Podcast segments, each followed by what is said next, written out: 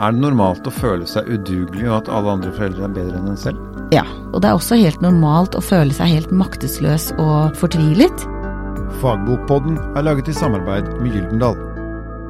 Line Langgaard Solberg, du har skrevet en bok som heter 'Hjelp tenåringer i huset'. Jeg har jo, har jo vært tenåringspappa ikke sant? Og, og, og kjent på hvordan, hvordan, det er. Så, så står det som er Hva slags forelder har jeg lyst til å være? Kan jeg velge, lurer jeg på. Og, tenåringer som jo da er i en sånn mental utvikling, de er jo ikke ferdige engang.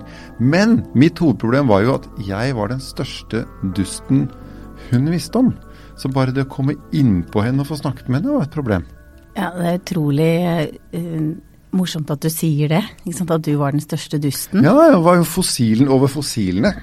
Jeg skjønte jo ingenting jeg, i hennes øyne. Jeg husker vår uh, datter da hun var 16 år. Så sa hun til fatter'n han satt uh, middag, ved middagsbordet en dag, og så sa hun Du pappa, du er bare helt tragisk, du. Og hva gjør vi da? Alt går i faser, og mm. det meste går over.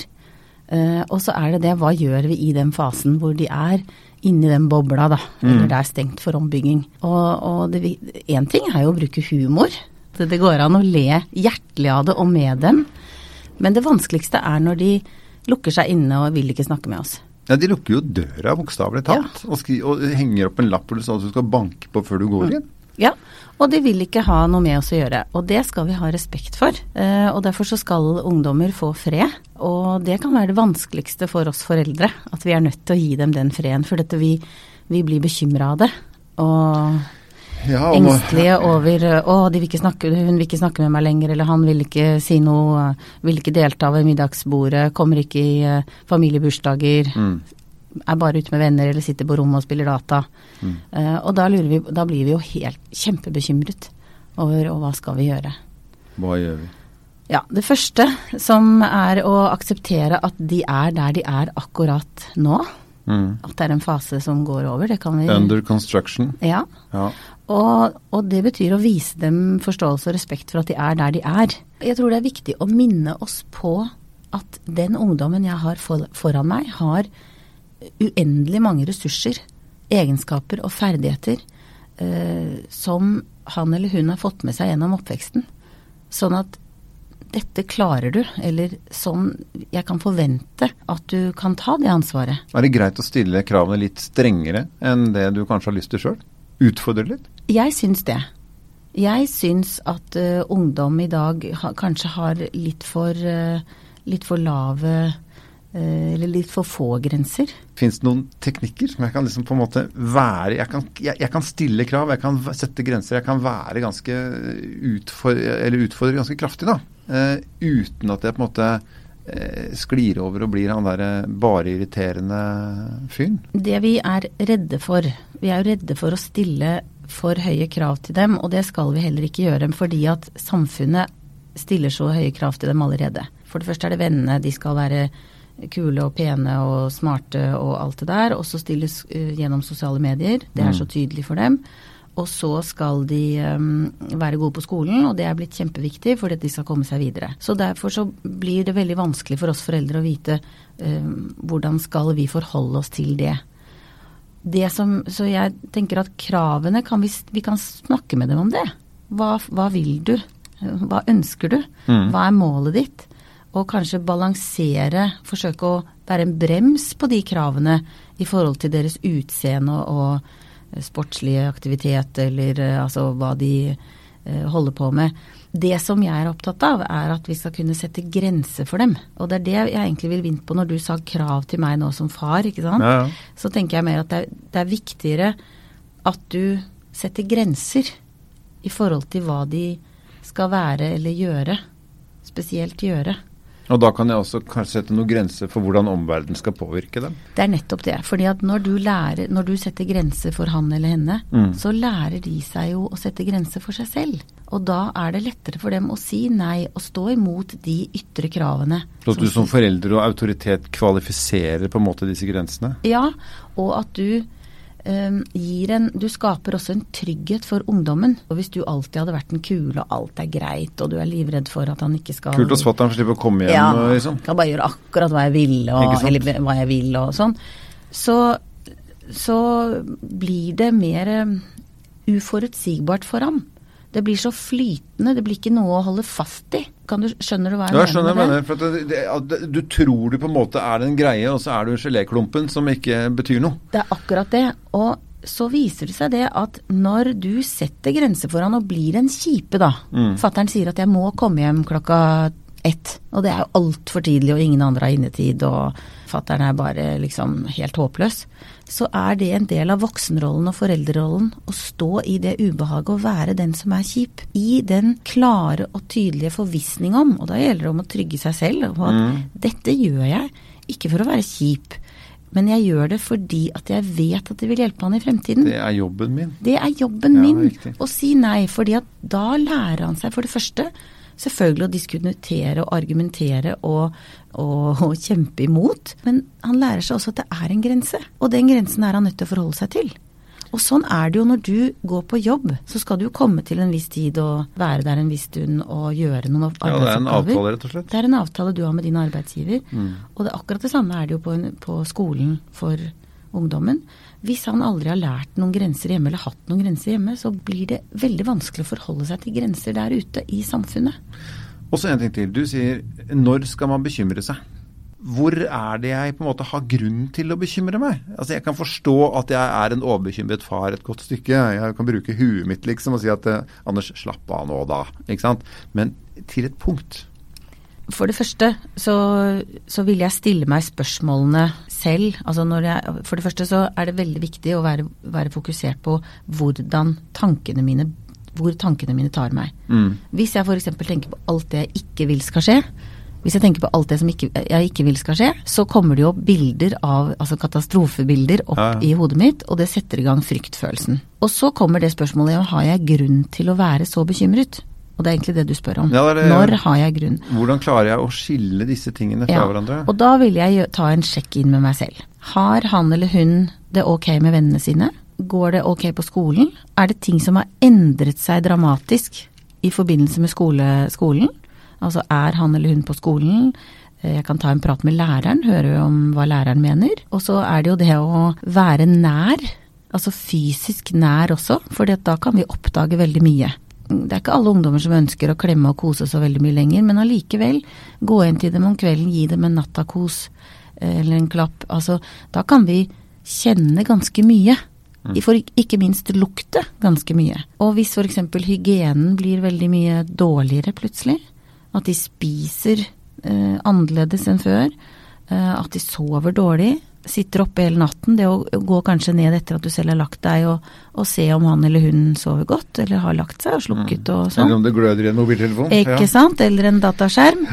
Eh, og, og når man, hvis, hvis du ser at dette At det er et mønster over tid som er dårlig, da. Mm. Søvnmønster, hygiene, spising eller skolearbeid, venner, trekker seg unna venner, har ikke så mange å snakke med. Da er det jo viktig å gå inn og tilkjennegi sin bekymring i første omgang. Bare rett og slett spørre. Når du ser eh, endring i mønsteret som er betydnings... Altså, som, som er Som, ved, betydningsfull. ja. som vedvarer over tid. Mm. Da er det veldig eh, viktig og avgjørende at du går inn og, og først snakker med ungdommen og sier at eh, jeg er bekymret for deg, har jeg grunn til å være det? Jeg er usikker på, jeg føler på meg at du kanskje ikke har det så bra, er det noe som har skjedd, er det noe du har lyst til å snakke, med, snakke om? Og kanskje ikke du har lyst til å snakke med meg om det? Veldig ofte så ønsker vi jo at vi skal være den nærmeste, Mm. men i ungdomsårene så kan det være en annen som skal være Ja, den så vi skal legge fra oss det behovet. Ja, det er Sørge det. for at det blir snakket med noen. Og det kan jo være noe av det vondeste og såreste for en mor eller far. At, uh, Ja, og skummelt òg. ja, Plutselig er det du som er problemet, ikke sant? Mhm. Og da må vi igjen sette oss i den situasjonen at hva er det, jeg- det, dette, er- dette er ikke meg det handler om. Mm. Det handler om den andre. Mm. Det er litt vanskelig å identifisere for oss foreldre.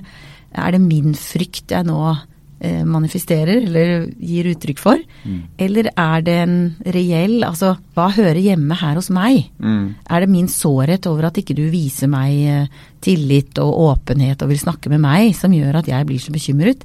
Eller er det reelt at eh, Og da er det jo viktig at eh, jeg gir slipp på det og lar deg snakke med noen andre. Det høres ut som eh, vi skal være litt eh, Tvinge oss selv til å være litt større enn vi kanskje er, da. Eh, for vi er jo små og redde og trenger bekreftelse og vil gjøre ting riktig og vil ikke få kjeft for å gjøre ting feil, vi voksne òg. Og så er, de, er vi så feilbarlige, og det å jeg tror ikke vi, vi, vi behøver ikke tvinge oss til noen ting, men vi kan være, forsøke å være åpne på at eh, vi også har feil og mangler. Og at det er helt greit, for det er jo det å være menneske. Og så vil vi gjerne være liksom de rollemodellene for ungene våre, og vi skal ikke gjøre noe feil. Og, og hva lærer de da? De lærer at det ikke er ok å gjøre feil. Ja, nettopp. Og det er jo det de lærer mest av. Er det riktig det noen sier, eller det er sagt for ganske mange år siden av en eller annen veldig klok person, som sa det at eh, barn gjør ikke som du sier, de gjør som du gjør. Og det er akkurat, Stemmer det? Ja, og det er jo akkurat det å være en rollemodell. Nettopp det at uh, de, ser, de, fornemmer det vi gjør. Så viser det seg at uh, de har, det har ganske stor påvirkning og innvirkning det vi sier òg. Uh, men nok mest det vi gjør. Det tror jeg er helt riktig. Men vi tror som foreldre i dag at i hvert fall er det det statistikken viser, at vi tror vi har veldig liten innflytelse på barna eller ungdommene våre lenger.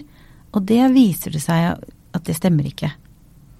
Foreldre har fortsatt større påvirkning enn det de aner. Ok, Så vi betyr noe? Vi betyr veldig mye, og det viser jo også Altså 50% av ungdommene i dag sier at de ønsker mer tid med foreldrene sine. Jeg har lyst til å komme inn på en ting som du også skriver om ros og støtte.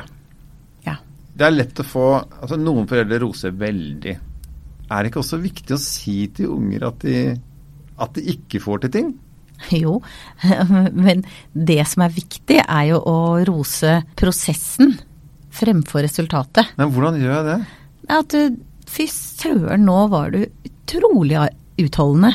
Som orket å holde på med det der så lenge. Jeg er skikkelig imponert over deg. Og at du sto på Ja. så vanvittig. Og så kan du si at det gikk, eh, det gikk ikke bra, men det var veldig bra. Det var kjempebra, og hva lærte du av det, og hvordan kan du gjøre det annerledes neste gang, så det blir enda bedre for deg. Det, for det, det vi gjør er jo nettopp det at vi roser at de er så flinke, og de er så flinke, og de er så flinke, men hva skjer når de ikke er så flinke? Da blir de jo kjempedeppa. Ja, for det var det jeg håpet du skulle si. Altså, for det må jo være mulig å gi ekte ros eh, til en som ikke hele tiden er en ener. Ja. Og da går det på hva de, altså hvilke egenskaper er det de bruker på veien til det målet de har satt seg. Hvis det er, eh, du har en, eh, et, en ungdom som får fem i alle fag, eller fire i alle fag, og så har du en og liksom det går kjempelett, og så og som nesten ikke behøver å gjøre noen ting. Og så har du en som sliter og jobber og jobber og jobber, men som ikke får så mye uttelling for resultatene får sine. treerne, liksom. Får bare, for, ja, får treerne og firerne, og er utrolig misfornøyd med det. Mm. Det er jo en mye større prestasjon for den som jobber på den måten, enn den som bare sklir igjennom og får en femmer. Ja, så kommer det noen og sier da at eh, så mye som du jobber, så kan du mulig være særlig smart siden du får så dårlige karakterer. Ja, det kan godt være at noen Det er kommer og sier det. hy- Lite hyggelig Ja. ting å få høre. Ja, og da er det jo Og det, det, den første til å si det er jo ungdommen selv. Mm. Du, pappa, jeg er ikke noe Jeg er bare helt dust, jeg. Mm. Jeg er bare dum. Jeg Jeg jobber og jobber, får ikke til en dritt. Hvordan, da- hvordan roser du da? Nei, og da vil jeg si at du er nettopp den som kommer til å uh, ha glede av dette senere. For at du innarbeider, du har dødsgode arbeidsvaner. Mm. Du har kjempe stå-på-vilje. Sånn at når du støter på utfordringer senere i livet, så er det du som kommer til å klare de utfordringene. Sånn som du jobber nå. Løfte fram den skjulte Løfte frem det, kvalifikasjonen? for det er en enorm kvalitet. Mm. I forhold til da altså Nå skal man ikke sammenligne mm, søsken med hverandre, men, men inni deg kan du gjøre det, da. For Mm. å bevisstgjøre det. ikke sant, at ja, Mens den andre som vil jo støte på den utfordringen senere. Og da, altså, at det plutselig ikke går så bra. Så når du har lagt begge ungene dine, da, og Mm. den ene er kjempeflink på skolen og gjør ingenting for det, og den andre sliter eh, hele ettermiddagen og får middelmådige karakterer, så kan du sitte med følgende bekymring. Jeg er bekymret for den med dårlige karakterer, for får ikke den utdannelsen han eller hun ønsker seg. Og så er jeg bekymret for den som eh, er så bra, for at det, hun kommer så lett til det og vet ikke hva utfordringer er for noe. Ja, og da kan du snu på det. Det er da, det er da du skal snu på det. For nå ser du jo bare på bekymringene. Ja. Du kan bare si fy fader, den, dat den datteren min der, eller den sønnen der som, som jobber og sliter, kommer til å bli en jobber og få til så mye i livet sitt. Mm. Og han som gjør det bra allerede nå, han har fått en flying start. Ja. Og han kommer også, med meg som far, til å fordi du kommer til å påpeke at han er nødt til å jobbe. Sånn at de har, og, eller, og en annen måte å se det på, er jo det å trekke frem og det, det har jeg jobbet mye med med mine tre unger, som er dønn forskjellige. Det er jo å trekke frem hver og enkels beste egenskaper. Du er utrolig sosial og god med mennesker. Du er språklig eller, eller faglig god mm. på det, fordi du bruker de egenskapene, og du bruker de egenskapene. Det er ikke noe som er bra eller dårlig eller bedre eller dårligere ved det. Er det det? Nei, men kan det være farlig òg? Fordi at det, det kanskje setter seg så veldig fast, da? At liksom du lærer hva du er god på? Ja, nei, jeg tror ikke vi skal være varsomme med å trekke frem de gode egenskapene deres. For det vil jo ikke dermed si at de ikke har Selv om jeg trekker frem at uh, hun er utrolig strukturert, arbeidsom og tålmodig og står på, mm. så vil jo ikke det utelukke at hun har andre egenskaper. Det er bare å styrke dem på det som hun, har, som hun viser nå.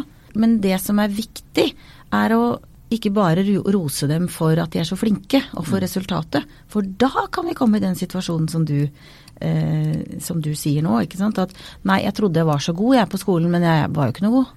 Nei. Sånn at eh, da, kan jeg, da er jeg ikke god til noen ting, da. Da kan jeg bare glemme hele greia. Eh, så, og da har vi rost ikke sant? Da, Det viser jo Det er en sånn undersøkelse som jeg har med i boka mi om, om dette med innsatsbarn og resultatbarn. Eh, og da så man på at de som er opptatt av resultatet, de tør ikke Eh, over tid ta på seg vanskeligere og vanskeligere oppgaver fordi de eh, er redde for å feile. Mm. Mens innsatsbarna, det er de som jobber og jobber og jobber og er ikke så opptatt av resultatet, men av innsatsen. Mm. De viser seg over tid at de tar eh, på seg vanskeligere og vanskeligere oppgaver. For de er ikke redd for utfordringer, de er ikke redd for å feile. De, ja, ikke sant. De er vant til å feile òg, mm, kanskje. Ja. Jeg må, jeg, må, jobbe fælt, jeg må dumme meg ut mange ganger. Jeg må Fordi det er trening. Ja. Da lærer jeg. Det er det jeg lærer mest av. Er de feilene jeg gjør, da. Mens de som er eh, resultatbarna, de sier at uh, ja, jeg fikk ikke til det resultatet, ja, nei, da kan jeg ikke få det til. Og der kan vi foreldre faktisk, det er derfor jeg mener vi foreldre kan styrke dem ved å påpeke det som er bra, hvilke egenskaper de bruker underveis. Mm. Er du enig i at det er ganske vanskelig å være forelder? Jeg synes det, det, det, kan jo være utrolig gøy og spennende. Ja da. Det er helt altså, avhengig av hvordan vi ser på det. Men hvis, vi, hvis vi sier hele tiden at det er vanskelig, mm. da blir det jo vanskelig. Mens hvis vi sier til oss selv at uh, dette er utrolig spennende, og jeg er jo så glad i den ungen min, og jeg vet at han har masse kvaliteter og egenskaper, så dette kommer til å gå bra. Er det normalt å føle seg udugelig, og at alle andre foreldre er bedre enn en selv? Ja. Det er helt normalt. Og det er også helt normalt å føle seg helt maktesløs og uh, fortvilet. Legg da merke til hvordan det kan endre seg hos ungdommen fra dag til dag. Mm. Altså Vi kan føle oss maktesløse og fortvilt over mange dager, men veldig ofte så er det sånn at ungdommen kommer hjem og er dritfrustrert og sur og smeller med dørene eller gråter, eller at følelsene går opp og ned. En skikkelig berg-og-dal-bane. Og vi står der og prøver virkelig å hjelpe med alt vi kan. Sier sikkert noe teit, men vi er nå der og lager gode middager eller kjører dem til trening eller hjelper dem på all den måten vi kan. Og vi legger oss om kvelden og er helt utslitte og fortvilte over hvordan skal dette gå. Og så våkner vi opp neste morgen og så har ungdommen glemt hele greia den var så, han eller hun var så fortvilt over. Ok, Så vi skal slappe litt av, da? Ja, jeg tror vi skal eh, stole på at eh, vi er gode rollemodeller. Eh, vi har når vi har noen, bevisstgjort noen verdier, hva som er viktig for meg. Åpenhet, kanskje. Kjærlighet. Nysgjerrighet. Å være raus i forhold til det de kommer med. Eh, også sette grenser. Mm. Så, så, tror jeg vi kommer eh, langt av sted med at, det, at, vi kan trygge oss på at det går bra. Line Langgaard Solberg, som har skrevet 'Hjelp tenåring i huset'. Takk for at du kom. Takk for at jeg fikk komme. Takk for at du lånte øre til Fagbokpodden, som er laget i samarbeid med Gyldendal.